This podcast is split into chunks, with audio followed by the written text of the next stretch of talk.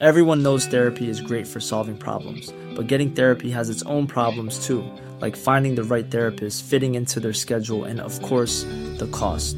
Well, BetterHelp can solve those problems. It's totally online and built around your schedule. It's surprisingly affordable too.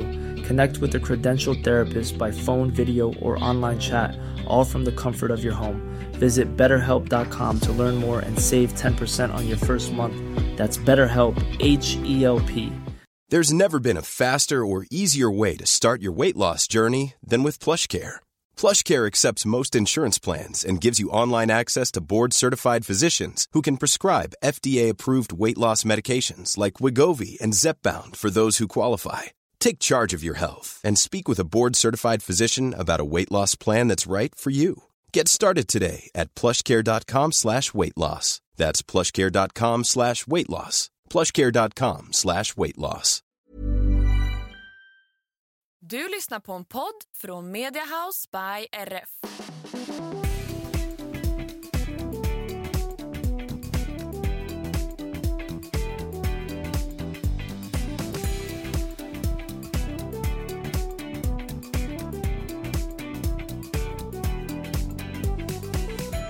Hej på er allesammans och välkomna till systrarna Elfstrand hästpodd avsnitt 183. Välkomna, jag som pratar du heter Emma. Och jag heter Anna och det här är podden om oss, våra fyra hästar och framförallt ridsport. För vi är ju två, häst, två hästar, det är det absolut inte.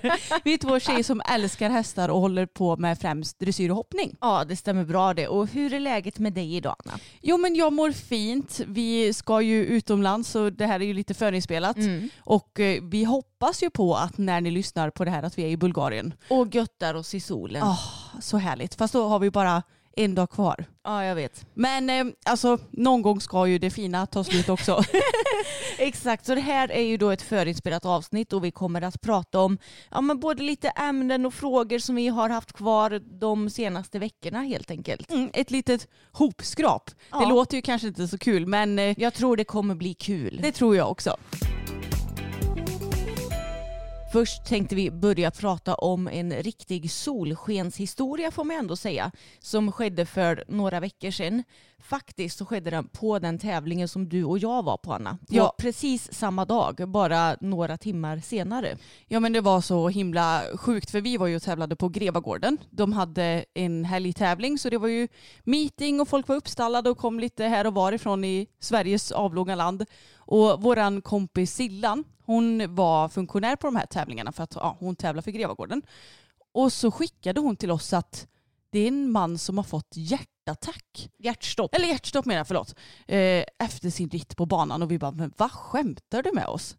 Och det stämde ju väldigt bra detta. Mm. Som tur var så lyckades de ju rädda den här mannen och jag tänkte att jag ska ta och läsa upp artikeln om honom som tidningen Ridsport publicerade den 2 augusti.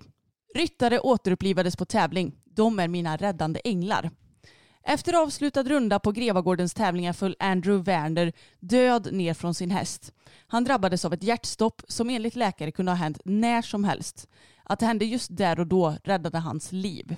Det var under fredagen på förra helgens meeting på Grevagården som det allvarliga sjukdomsfallet hände. Andrew Werner, som bor i Lerum utanför Göteborg, hade avslutat sin andra ritt för dagen, nu en 1,10-klass, och var på väg ut från banan. Så kände jag hur jag liksom bara ville somna. Och så gjorde jag det. Jag kände ingen smärta, ingen rädsla, ingenting sådant. Det var bara varmt och skönt och mysigt att somna, säger ryttaren som fyller 60 år om ett par veckor. Alltså är ju Andrew lika gammal som pappa. Ja, precis. Omgivningen reagerade blixtsnabbt när Andrew trillade av sin häst livlös. Tävlingens inhyrda sjukvårdare Johanna Svartklo, som är sjuksköterska, samt två sjukvårdsutbildade ur publiken var redan framme hos Andrew Werner och hade påbörjat hjärt och lungräddning när överdomaren Anki Modig kom fram. Jag var där jättesnabbt och då hade någon redan ringt efter ambulans. Jag koncentrerade mig på att ta hand om Andrews fru i det här läget, säger Anki Modig. Hon beskriver händelseförloppet som kaotiskt och lugnt på samma gång.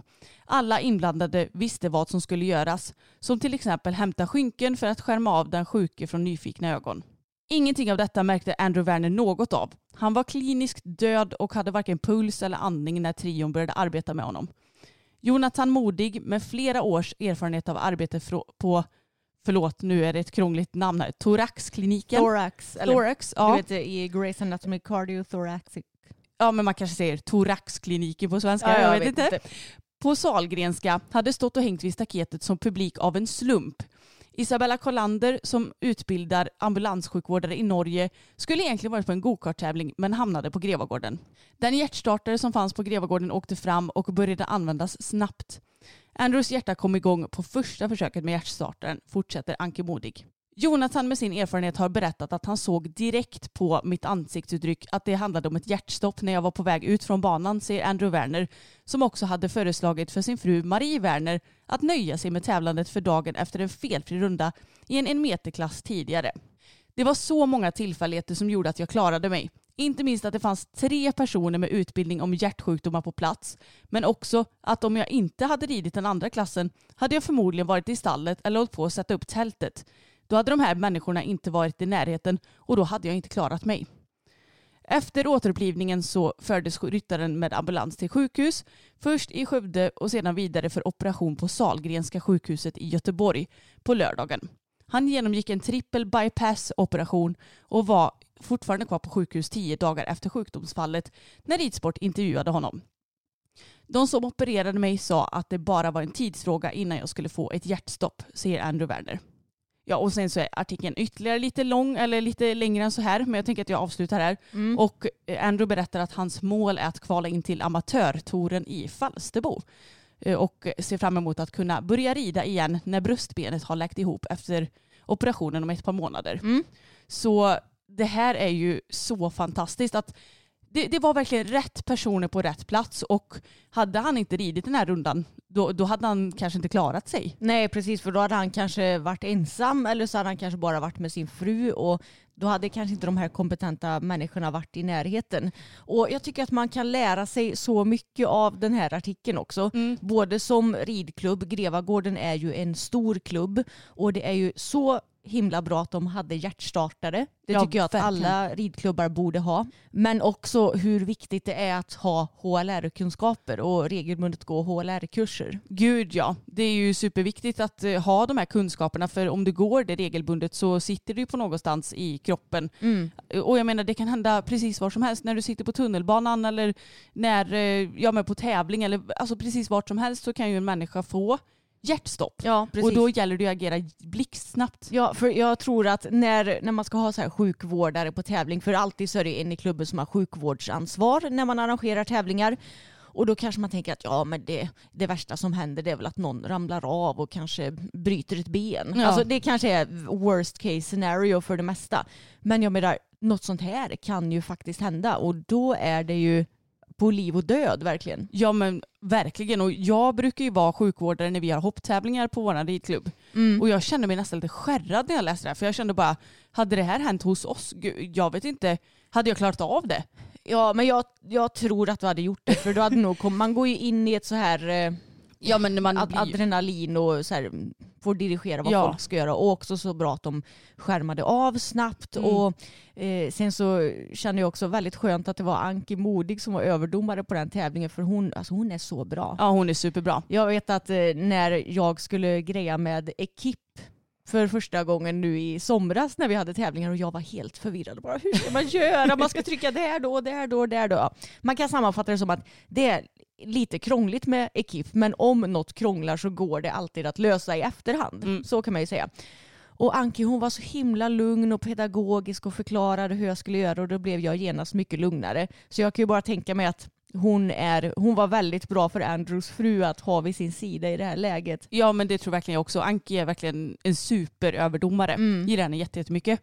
Så nej, grymt jobbat av eh, ja, men samtliga som var inblandade i det här. Och, Mm. ja, man, man, det blir verkligen ett wake-up call att Ja. vi måste skaffa hjärtstarter till våra ridklubbar. Mm. Jag tror det kostar 15 000 kronor men om den nu skulle rädda ett liv så är det ju redan Värt det. värt. Ja men exakt. Mm, exakt. Jag får lite flashback till fotbolls-VM var det väl för några år sedan när den danske spelaren Christian Eriksson föll ner på planen. Och det visade sig att han hade ju också ett hjärtfel som han inte visste om att han hade och fick opereras för det sen efteråt och nu spelar ju han professionellt igen. Mm. Så jag menar det är ju två stycken mm, två stycken idrottsliga sådana här händelser som jag tycker är väldigt inspirerande och jag är övertygad om att Andrew kommer komma tillbaks snart igen när Ja. han har läkt. Det tror verkligen jag också. Och hoppas att vi ser honom i amatörtouren nästa år. Ja, det vore kul. Det vore väldigt roligt. Men jag måste också säga att de som har någon form av dödsångest borde ju läsa det som han skrev. Jag tyckte det var väldigt fint. Du, jag tänkte på det också. Eller det att, han sa. Ja men precis, det, det känns som att det var väldigt odramatiskt och det kändes som att han hade det ganska mysigt ändå. det var liksom ingen ångest eller någonting Nej. utan bara oj jag vill bara somna nu och så Mm. gjorde han det. Ja, antagligen så är det säkert så för de flesta. Ja.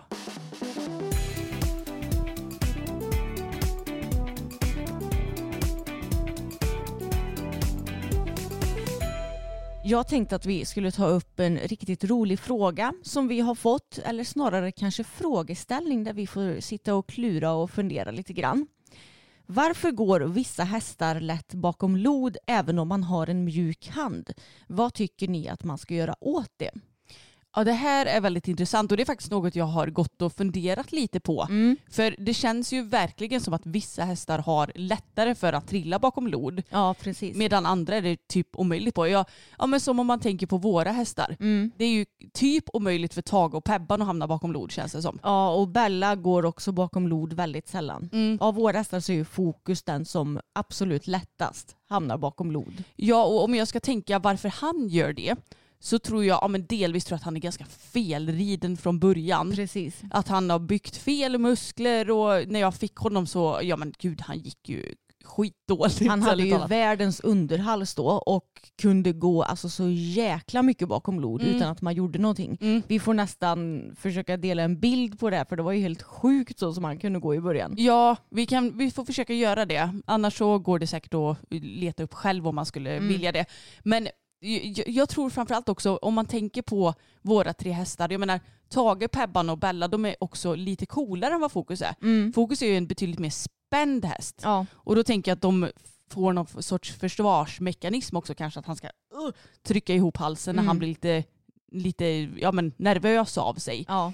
det, det är ju svårt att säga. Men jag tror att delvis fel ridning och att han är lite nervöst lagd ja gör att han gärna hamnar lite bakom lod. precis. För det är ju inte mitt mål att han ska gå där såklart. Nej, exakt. Ja, men jag tror lite som du säger att hästar som går bakom lod eh, och lätt gör det. Jag tror på något vis att det blir någon sorts försvarsmekanism. Mm. Kanske ofta på grund av hur de har blivit utbildade från början och sitt tidigare liv och hur de har ja, men blivit ridna helt enkelt. Mm. För eh, jag menar, det är inte naturligt för en häst att gå bakom lod. När hästarna går i hagen så går de ju i en fri form Mm. och skulle ju aldrig liksom krulla ihop sig och gå bakom lod då. Så jag tror att det är på något vis att de försöker komma undan handen. Och sen så kanske det inte behöver vara, ja, men som i ditt fall, just din hand, men att han har kvar den här ridningen och kanske något sorts trauma från tidigare ålder. Mm.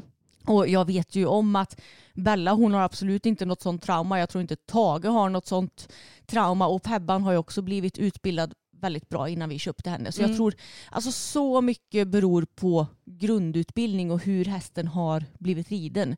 Jag tror att om en häst har blivit riden från början på typ skarpa bett och med en hård hand så är det nog väldigt lätt att den går in i någon sorts försvarsposition. Mm. Och det är nog också därför tror jag så att som även om du rider en häst och har en mjuk hand så kan den krulla ihop sig för att det också blir någon sorts försvarsmekanism skulle jag tro. Ja, att det fortfarande sitter kvar på något sätt. Ja precis och det kan ju ta tid att jobba bort det. Jag menar Fokus, han är ju absolut inte perfekt i formen idag men han är ju bra mycket bättre mot vad han var för fyra år sedan och det tror jag delvis beror på att han är mer avspänd och trygg med dig men också såklart för att han har blivit starkare och orkar bära sig i en bättre form för det mesta. Ja men exakt. Men sen så är det så svårt att säga för att jag tror säkert att det finns vissa hästar som har tendenser att krypa bakom lod även om de är ja, men trevligt inridna och har bra erfarenheter. Men då kanske också, jag tror, det här är ju bara liksom killgissning, att då har de någon form av spänning som gör att de vill komma undan på något vis för att de bara åh jag är spänd, jag måste göra någonting. Jag vet inte. Ja. Det känns ändå som en ganska logisk förklaring för jag tror inte att hästarna automatiskt vill gå där. Nej. För det är inte bekvämt Det för är, dem. det är inte bekvämt för dem. Nej. Det finns det ju hur mycket forskning på som helst Ja. vad det påverkar hästarnas kroppar. Så det håller jag verkligen med om. Och jag vet att är det inte Kyra Kyrklund som har sagt att dagens moderna hästar de är byggda på ett visst sätt så att de lättare går bakom lod. Typ. Jo, visst har hon sagt något Jo. sånt. Och grejen är att jag tror att det eh, inte ligger så mycket sanning i just det. Det för tror att, absolut inte jag. Nej, för jag, jag, tror, jag tycker snarare att man ser att olika hästar har olika långa halsar. Om vi tittar på våra återigen. Mm. Fokus har väl ändå ganska normal lång hals. Ja. Bella har rätt så lång hals ändå. Ja det har, det har jag insett nu Ja. när jag ridit Pebbar att ja det har hon nog. Och Pebban och Tage har ju tvärtom ganska korta halsar. Mm. Och därför så tror jag också att det är svårare för Tage och Pebban att gå bakom lod för att de har liksom inte så mycket att böja in. för jag menar det, det, det tar väl stopp där någonstans och de ska böja in sina Ja, ja. mular. Alltså du förstår vad jag menar. Ja, Det, kanske, det är klart att det finns säkert hästar med korta halsar som också kan gå bakom ja lod. såklart. Men det känns som att det ändå är lite svårare. Mm. Har de långa halsar så känns det som att det ändå är lite lättare att komma dit. Nej, det, det är jättesvårt att veta exakt vad det beror på. Mm, men det är onekligen en intressant fråga. Och alltså jag tycker många gånger om jag tittar på typ ja men säg sociala medier eller dressyr på tv eller vad det än nu kan vara. De hästarna som går mycket bakom lod, alltså jag tycker ju i 99 procent av alla gånger så tycker jag att det ser ut som att det beror på att ryttaren håller för hårt i hästens mun. Ja.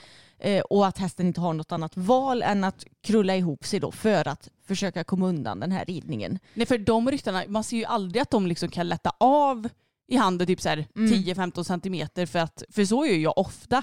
Att så här, känna att ja, men jag lättar av, ja men den går kvar. Eller känna att man inte behöver ha ett statiskt stöd hela, hela tiden. Mm. Men de ryttarna som ändå rider hästarna bakom lod, medvetet eller omedvetet, Mm. det ser ut som att de liksom, här är min kontakt och här får du gå typ. Ja, precis. Och jag vet att ja, men många gånger så känns det ju som om folk skyller på hästars exteriör eller kanske till och med raser. Jag vet att Ja. friserhästar till exempel, ja men där är det ju plötsligt helt okej att halsen, alltså att ganachen och typ hästens mule ska vara på halsen och att Mm. den ska gå så mycket bakom nod. Jag tänker på han eh, Mark-Peter Span heter han va? Den belgiska ryttaren med Jerome Paul. Ja precis. Eller vad hästen nu heter, något sånt där. Ja men en friserhäst. ja exakt. Den har vi diskuterat i podden när den Ja. var med i GOS bland annat. Mm, och den har ju varit med i Falsterbo också Mm. och då såg det exakt likadant ut. Ja. Så mm, eh, ja, men det, det är så knäppt. Och varför skulle det vara okej att rida en specifik hästras på ett så otroligt felaktigt sätt? Det, det är ju inte så att friserhästar går omkring så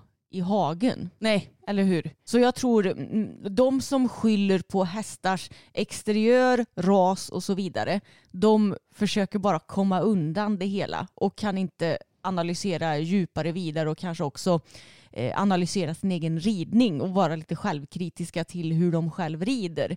För jag tror många gånger om hästar som går bakom lod att det långsiktigt går att lösa med rätt träning och rätt ridning och en avspänd häst. Du kanske behöver träna den från marken, bygga upp en relation med den. Mm.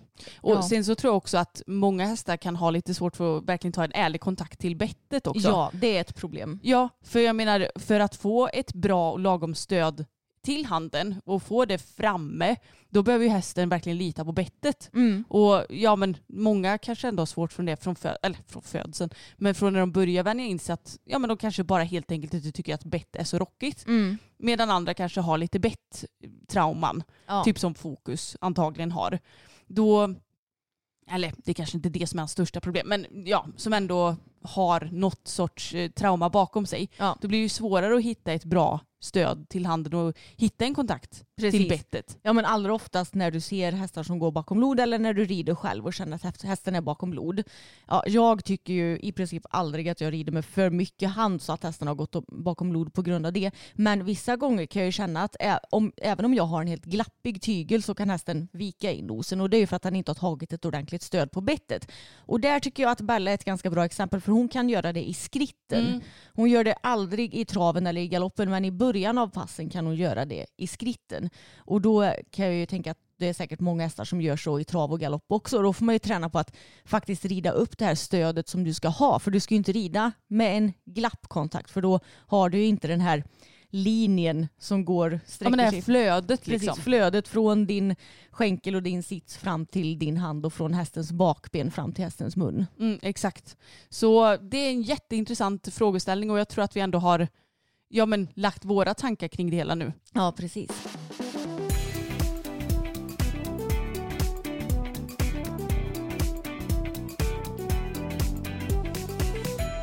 Då tänker jag att vi ska ta och läsa upp en fråga som vi har fått. Hej, jag har det väldigt kämpigt med min ponny. Hon går jättebra på träning, både dressyr och hoppning, men är hopplös på tävling. Ibland gör hon det hon ska och kan rida på godkända procent eller en felfri runda, men lika ofta vägrar hon ut sig på första hindret. Och så var det idag. Problemet var inte att hon stannade på hindret, utan att jag inte fick upp henne i galopp och hon travade knappt. Jag gjorde två starter på samma höjd och i den andra så satte jag på mig sporrar, men ingen skillnad. Jag älskar henne med hela mitt hjärta. Jag vet inte hur jag ska göra. Ska jag sälja? Ska jag ta föl på henne? Har ni några tips eller råd på hur jag kan göra? Är det värt att ge upp? Ja men det här är ju en fråga som jag tror att många kan känna igen sig i. Och lite så var det ju för oss med vår första häst Bohun. Mm. Och då fick väl vi helt enkelt till slut inse att ja, han, han tycker inte att det är kul att tävla. Han är ingen tävlingshäst. Han var, han var en supertrevlig hobbyhäst. Han var så fin att rida. Han var världens snällaste. Men han var ingen tävlingshäst för han tyckte inte att det var roligt. Nej, och jag tror så här i efterhand också att det största problemet var ju du och jag också Emma. Jo, såklart. Jag tror att hade vi fått Bohun idag eller haft honom i vårt stall idag Mm. så hade han kanske inte vägrat ut sig på var och varannan tävling för att vi är duktigare idag. Jo. Så det som är svårt när man har en häst som kanske inte riktigt funkar på tävling det är att man behöver liksom ransaka vad är det som går snett. Mm. Blir jag jätte, jättenervös och det påverkar min häst? Rider jag på ett helt annorlunda sätt? Tappar jag min ridning på tävling? Är ponnyn nervös? Behöver den ut och få massa, massa rutin för att den ska bli trygg på tävling och också kunna prestera lika bra där som hemma? Vad är det egentligen som skiljer sig? Mm. För det, det kan vara jättesvårt och jag är övertygad om att vi förr i tiden, ja men dels så tyckte Bosse kanske att det var lite läskigt med alla nya hinder på tävlingsplatsen. Men sen blev vi ju säkert vi också jättenervösa. Jo. Och vi var ju inte direkt duktiga på att ta hand om vår nervositet förr i tiden. Nej. Det har vi blivit mycket bättre på idag. Jo, precis det är sant. Så det är ju svårt att säga exakt vad det här problemet grundar sig i. Men jag tänker ju att personen i fråga ska ju också ha roligt med sin häst. Och ehm, då kanske det eh, hade varit bättre att sälja till någon som kanske inte vill tävla, någon som vill ha en trevlig hobbyhäst. Eller ta föl om du känner att det är det som du vill. Och se om det kanske finns någon annan häst som du kan rida och tävla på om det är det som du vill göra. Jag menar, alla hästar passar ju inte till allting. Nej men så är det ju verkligen och som du säger det är klart att det ska vara roligt. Annars så kommer ju kanske både du och ponnyn att ledsna till slut och det vill vi ju inte såklart. Så att känner du att det ändå är det som känns rätt så tycker jag kanske att du ska ta och, och sälja. För jag menar, ja det är klart att man kan ta föl också. Det är ju jättetrevligt. Men då kanske du inte har något att rida på själv och vill du göra det så kanske det kan vara värt att titta efter ett annat hem till din ponny. Mm, precis. Och, ja, men man får ju se lite vad man har råd med ekonomiskt också. och Sånt där, Precis. tänker jag. Eh, men det, det är nog vad jag skulle göra, tror jag, och som jag vet att vi har gjort. Att man ändå försöker lyssna på sin magkänsla och vad man själv vill. Och ja, det är väl egentligen de enda råden som vi kan ge. Ja, men lite så. Och vi skickar såklart ett varmt lycka till till dig. Ja.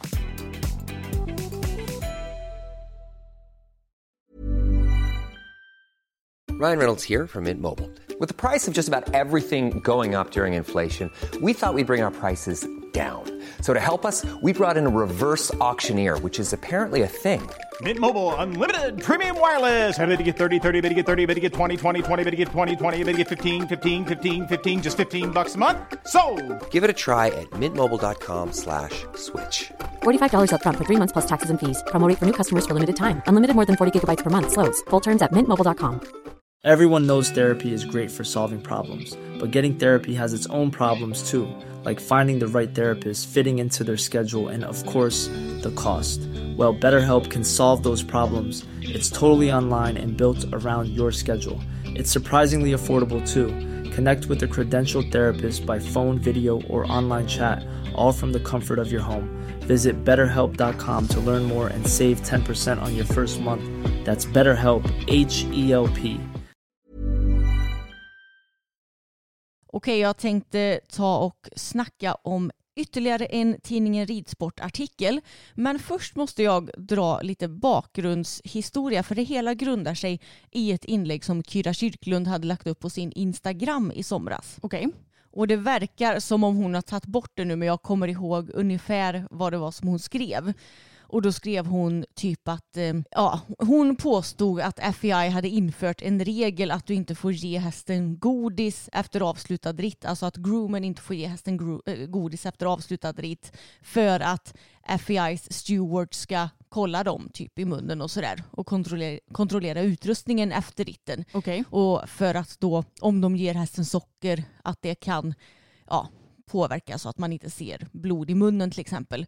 Och hon skrev då att hon tycker att det är så dåligt för hästarnas välfärd och om man ger hästen godis senare så kommer de inte fatta vad de får beröm för. Fast det fattar de ju inte ändå. Om hästen har liksom avslutat ritten, skrittar ut från banan, då blir ju det ja, men en minut efter det att de har ridit. Så det var ju för det första en väldigt dålig eh, ett väldigt dåligt argument. Men ja, hon tyckte ju att det var ett jättestort problem då och kunde inte se. Hon kunde inte se the bigger picture. Nej, precis. Men det, det här är lite lustigt för att jag tänker bara på hur jag har gjort när jag och Fokus var på ja, men lite klubbtävlingar och så precis i början när vi skulle börja hoppa lite bana. Då hade jag alltid hästgodis i ridbyxfickan. Och direkt när jag hade saktat av efter sista hindret så gav jag honom en godis för att få det så himla tätt in på som möjligt. Ja. Och jag tror att det var bra för honom och hans självförtroende att han säger, ja men nu har jag klarat av det här på ett bra sätt och sådär. Men jag kan bli lite sån här också att ja, de, alltså, de borde inte ha sådana eh, bakomliggande trauman så de behöver gå, alltså du förstår vad jag menar. Ja. Det borde räcka med klapp och beröm och det är klart att de ska ha godis men Mm. Det behöver ju inte vara sån hets kring att de ska få det direkt och lalala. Nej precis. Jag, jag tror inte att de kanske kopplar godisen till deras prestation på banan. Åh nu red jag på 80 procent, vart är min godis? Exakt. Ja, nej, så jag tyckte det var, var lite roligt. Men då har tidningen Ridsport släppt en artikel och den heter Det är alltid ryttarnas ansvar att kunna reglerna. Hallå där Maria Härnek, FEI steward inom hoppning och dressyr som reder ut begreppen efter att Kyra Kyrklund i ett inlägg på Facebook berättade om en ryttare som förbjöds att ge godis innan stewards gjort sin kontroll. Får man ge hästen socker efter avslutad dressyrritt? Det som händer direkt efter ritten är att stewards har ett antal viktiga uppgifter att utföra. De ska kontrollera att hästarna rids på godkända bett. De ska kontrollera att nosbandet inte är för hårt spänt och att flankerna och munnen är rena så att det inte finns blod. När hästen kommer fram till stewarden ska nosbandet vara intakt och får inte ha knäppts upp i samband med att groomen har gett en treat. Så det var kanske det då som skedde på tävlingen, vem vet? Ja. Bara det att Kyra har tolkat det hela annorlunda. Ja precis. Men du får ge en godis om du inte knäpper upp något. Ja, det får du. Hur ofta ser du att groomen gör något otillåtet med hästen efter ritten? Groomens uppgift är att se till att hästen mår bra och är ren. Och då kan instinkten vara att torka bort fläckar oavsett om det är av gräs eller blod. Men det behöver alltså inte vara av illvilja. Men jag ser det mer i hoppning än i dressyr och allt mer sällan. Det går också flera tävlingar utan att vi har något fall av blod på hästar och i hoppning är det mycket tack vare förbjudet mot sporrar med stjärntrisser. I hoppning görs de flesta kontroller före ritten medan dressyrens kontroller sker efter ritten. Varför är det så? Dressyrhästarna är mer explosiva och har mycket karaktär så tanken är att inte störa dem i uppladdningen inför ritten. Hur är det med ryttarnas kunskap om regler? Ju högre nivå desto mer insatta är ryttarna. Det är alltid ryttarnas ansvar att kunna reglerna och vi stewards svarar gärna på frågor. Ja, och det var då den artikeln och jag tycker att det är så roligt att Kyra lägger upp ja, men inlägg som inte ens stämmer. Ja men verkligen för då, det lät ju på henne som att nej men man får all, absolut inte ge godis. Men Nej. det enda du inte får göra det är att torka bort eventuell eh, dregel eller blod eller knäppa upp liksom. Ja, precis. För att de ändå ska kunna bedöma hästen så som den var inne på banan. Ja, och det är ju väldigt logiskt. Mm. För hur ska de annars kunna kontrollera hur hårt nosgrimman har varit spänd till exempel? Mm. Om groomen knappar upp den när de ska ge godis. Så jag tror att hon har nog tolkat hela den här situationen fel. Och sen så har ju hon då lagt upp det här både på Instagram och Facebook och så har väl folk tolkat det som sanning trots att det inte är det. Jaha, ja de har kanske bara köpt det rakt av. Ja men det verkar ju som det för när jag såg kommentarerna på hennes Instagram-inlägg till exempel så var det ju ingen som sa att nej men så där är inte regeln utan det var ju bara, ja men det var ju såklart lite medhåll men det var ju också mycket att hästen fattar ändå inte att vad den får beröm för så Nej. det spelar ju ingen roll. Så det var ju lite delade åsikter men det var ingen som sa att hon hade em, fel i själva frågan, alltså att man inte får ge godis. Nej, men det, det är också hur ska man kunna hålla koll på precis alla regler Ja. som finns? Jag vet. Det är ju inte alltid så lätt. Nej precis. Men Även om det är vårt ansvar, det är det ju. Det är vårt ansvar, men hon hade ändå tolkat det hela fel och groomen kanske inte hade varit så tydlig heller. Vem vet? Men eh, ja, det är ändå lite roligt och då vet vi det, folk, att eh, man får ge hästarna godis. Och jag tycker också det är roligt att dressyrhästar kontrolleras efter ritten oftast, men hopphästar innan. Ja, för att eh, dressyrhästar är så, vad var det hon beskrev dem som? Eh, Laddade eller? Ja, men typ explosiva. Jag skulle ju då vilja säga stressade. Eh, ja, samma här.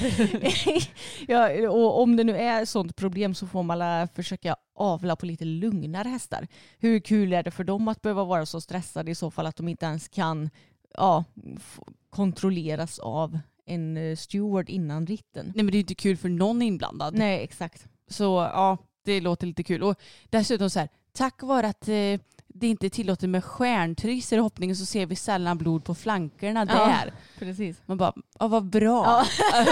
Va? Det är jättekonstigt tycker jag. Verkligen. Typ så bara så här, men alltså vi har ju förhindrat blod på flankerna Ja. genom att sätta den här regeln. Man bara, jag vet inte varför jag tyckte det var så kul för att det kändes bara som så här, oh, men, Bra, bra jobbat. jag, vet, jag tyckte också att det var så roligt. Ja, herregud. Eget ansvar va? Det ju- existerar inte. Nej, det existerar inte. Och tidningen Ridsport har släppt ännu en plusartikel som jag tyckte var lite rolig. Eller ja, den är inte rolig, haha rolig. Men jag kan koppla det till det som vi pratade om i avsnittet efter Falsterbo. För då pratade vi om att vi hade sett lite unghästklasser i Falsterbo. Och det går ju på en egen mindre gräsbana. Och då sa ju vi att vi var typ rädda när unghästarna red för att de halkade och hade sig i svängarna. Och Ja, det såg livsfarligt ut. Ja precis, det såg livsfarligt ut. Och nu har det då kommit ut en artikel på tidningen Ridsport som heter Kritik mot underlaget på Falsterbos lilla gräsbana. Kritiska röster har höjts mot gräsunderlaget på Falsterbobanan där unghästkvalen i Falsterbo rids. Anna Rundkrans återkommer sedan länge med några av familjens unga hopphästar. Men i år tröttnar hon till slut när inget görs åt underlaget som hon kallar för uselt. Och Anna Rundkrantz är då desto mer kritisk mot underlaget på Falsterbobanan för hon gillar Falsterbo Horse Show i övrigt. Och där rids ju då kvalen för de unga hästarna. Och det här delar hon med sig av i ett öppet brev till Falsterbo Horse Co och Ridsport. Anna Rundkrantz skriver bland annat Var är de som strider för hästens välfärd? Som en klok person sa till mig. Munnen kontrolleras vid varje besiktning då inget skav ska finnas. Men ingen domare eller veterinär avbryter unghästklasserna på Falsterbo när underlaget riskerar skador på hästen. Vi ska ge unga hästar en fin upplevelse. Gör vi det genom att brodda dem hårt och låta dem hoppa och slira runt på en lerig gräsbana. Varje år är familjen Rundkrantz på plats med ett par hästar och i år rörde det sig om en femåring och en sexåring som dottern Sofia Rundkrantz red under den regniga starten på veckan. Underlaget var helt uselt och det var också så diskussionen gick bland många av ryttarna under måndagen och tisdagen. Vi vågade inte ens starta en av våra hästar på tisdagen för att det var så dåligt. Det var senskadeunderlag. Det är inte bara det att hästarna riskerar att skadas fysiskt. Mentalt får de också en dålig upplevelse när de inte får fäste. För mig handlar det om unghästarnas bästa. Att gräsunderlaget inte tål särskilt mycket regn har stått klart sedan unghästkvalen flyttade från sandbanan till Falsterbobanan för ett antal år sedan. Vi är en liten spelare i branschen och håller på med utbildning av unghästar vid sidan av. Men vi är rätt rutinerade och har ett stort nätverk bland meriterade ryttare i Sverige och detta är något som det har surrats om i flera år. Anna Rundkrantz berättar att hon pratade med ett antal ryttare i Falsterbo som var upprörda över att inget har gjorts åt Falsterbobanan. Jag hörde också ryttare som red unghästar åt hästägare som hellre hade velat stryka sig men som kände press att rida ändå. Och då har det gått långt om man ser till hästvälfärden. Vidare ur det öppna brevet. Vad jag förstår så har röster höjts under lång tid för att förmå Falsterbos ledning att antingen sanddressa banan eller helst göra den till fibersand för att klara alla väder. Men ännu har inget hänt. Anna Rundkrantz säger att både hon själv och alla hon pratar med i Falsterbo är självkritiska till att man fortfarande åker och tävlar i Falsterbo med de förutsättningar som ges för de unga hästarna. Det blir lite att man står mellan två hötappar. Det är ju så trevligt att vara där nere. Men nu känns det som att jag verkligen måste ta mig en funderare över om jag vill utsätta mina hästar för det här nästa år. Jag vet ganska många som faktiskt väljer bort Falsterbo. Unghästutbildaren och svårklassryttaren Victoria Almgren är en av dem som återkommande syns och även har stora framgångar i unghästklasserna i Falsterbo. Även hon är kritisk mot underlaget. Lilla gräsbanan tål inte mycket regn.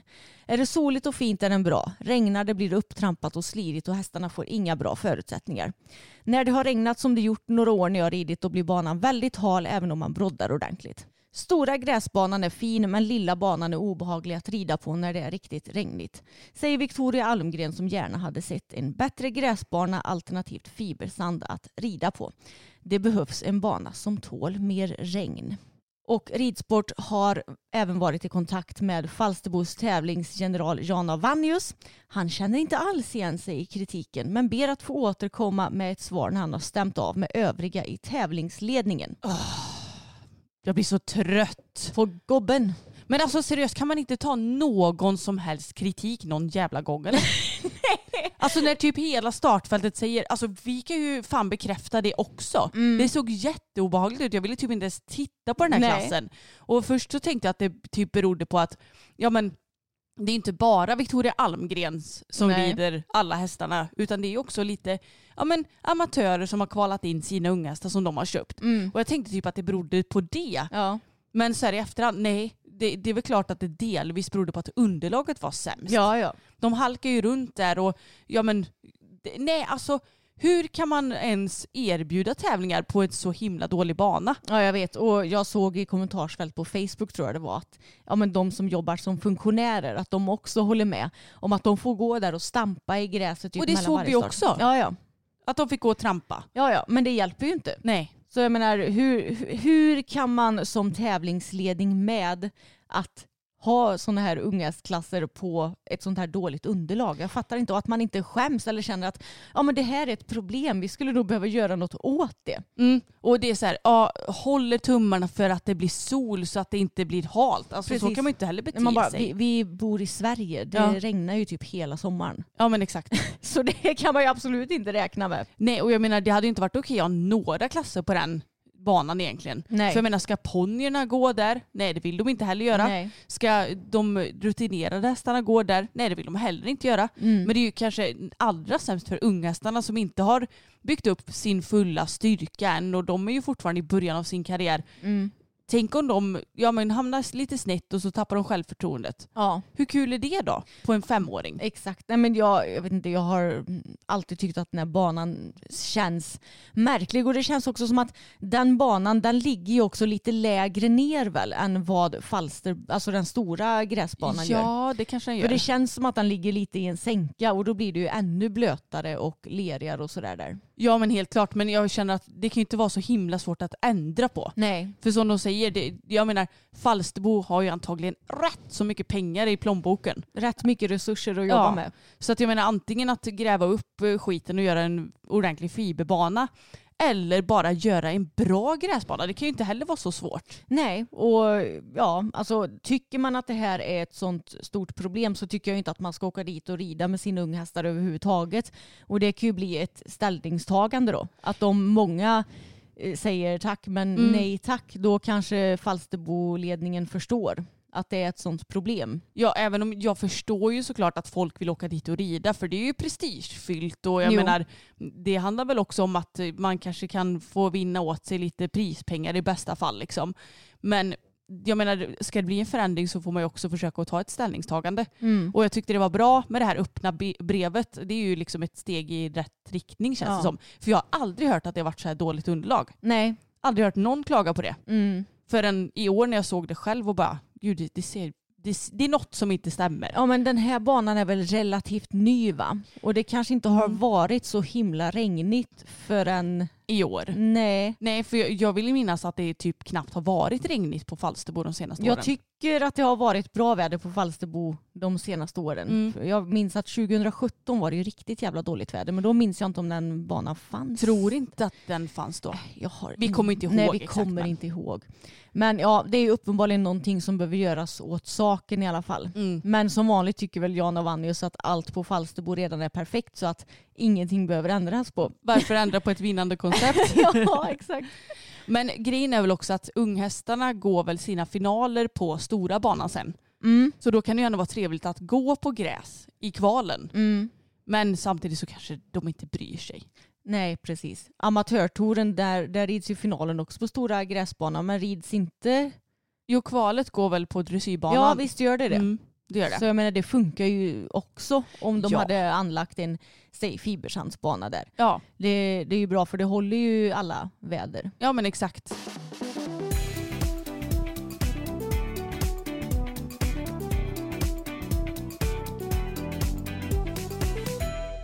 Vi har fått ett DM här.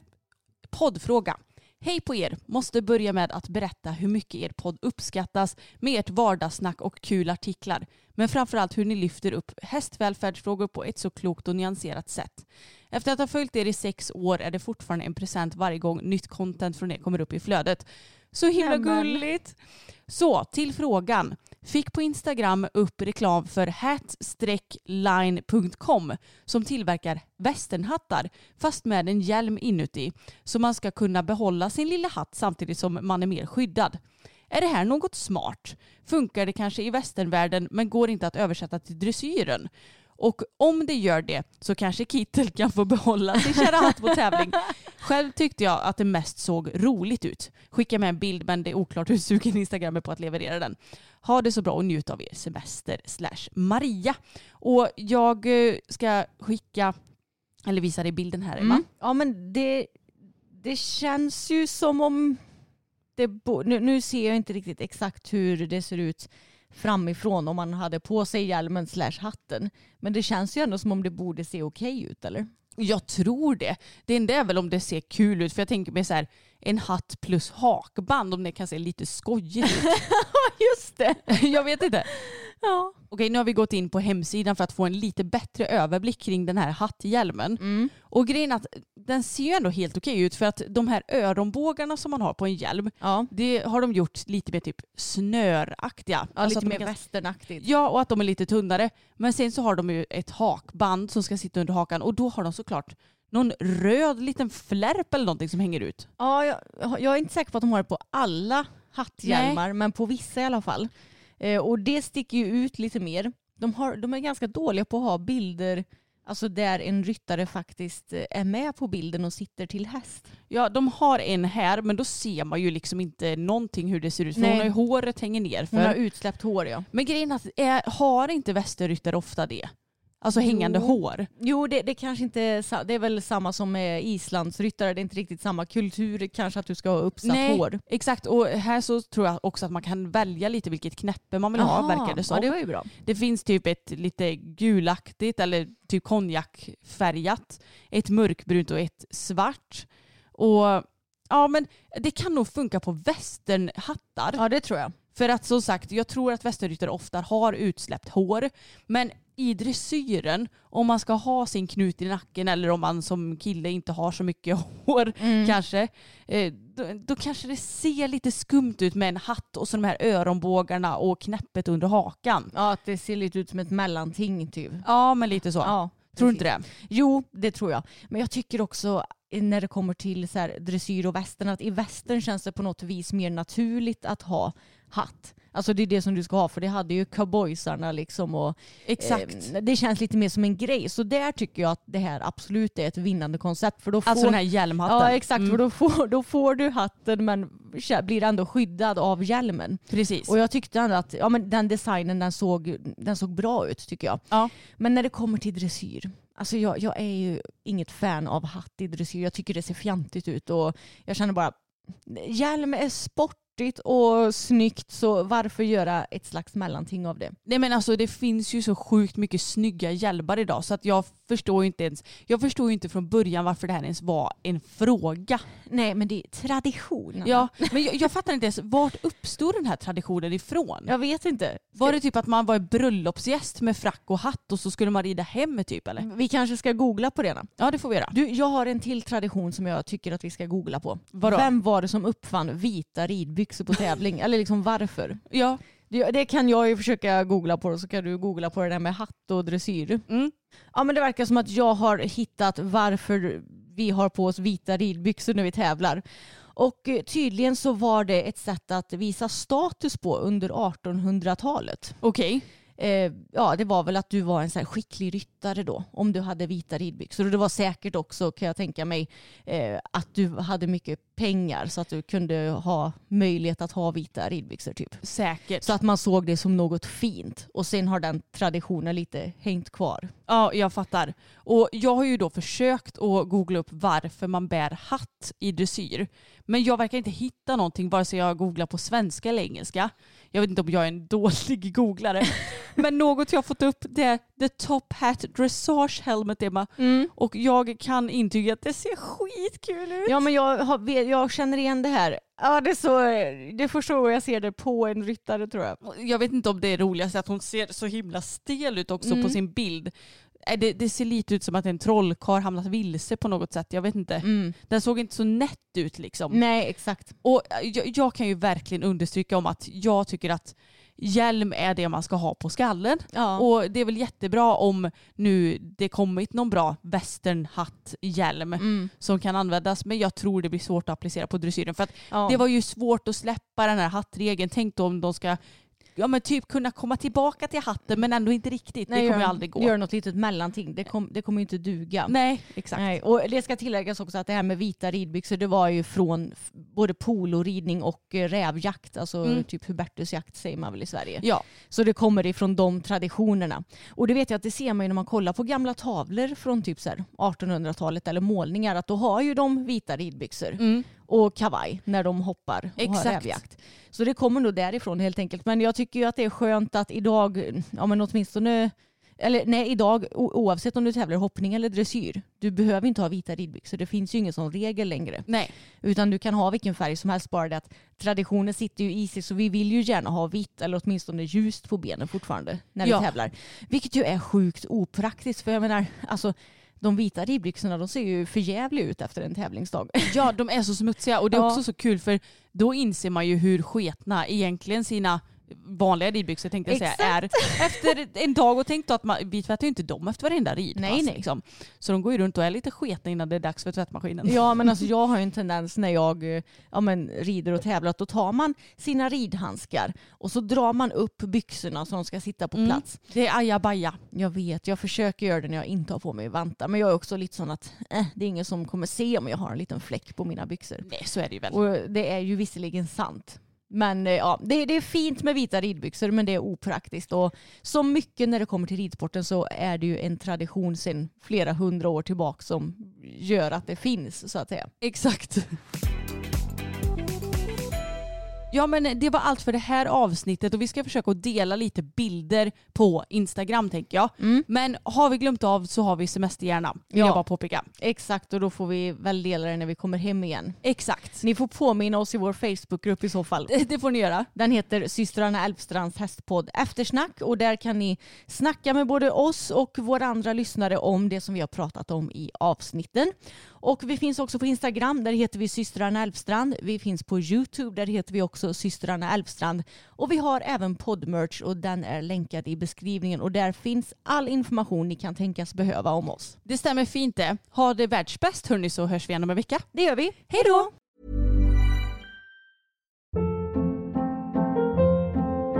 Hold up. What was that? Boring. No flavor. That was as bad as those leftovers you ate all week. Kiki Palmer here, and it's time to say hello to something fresh and guilt-free. Hello Fresh. Jazz up dinner with pecan-crusted chicken or garlic butter shrimp scampi. Now that's music to my mouth. Hello Fresh. Let's get this dinner party started. Discover all the delicious possibilities at hellofresh.com.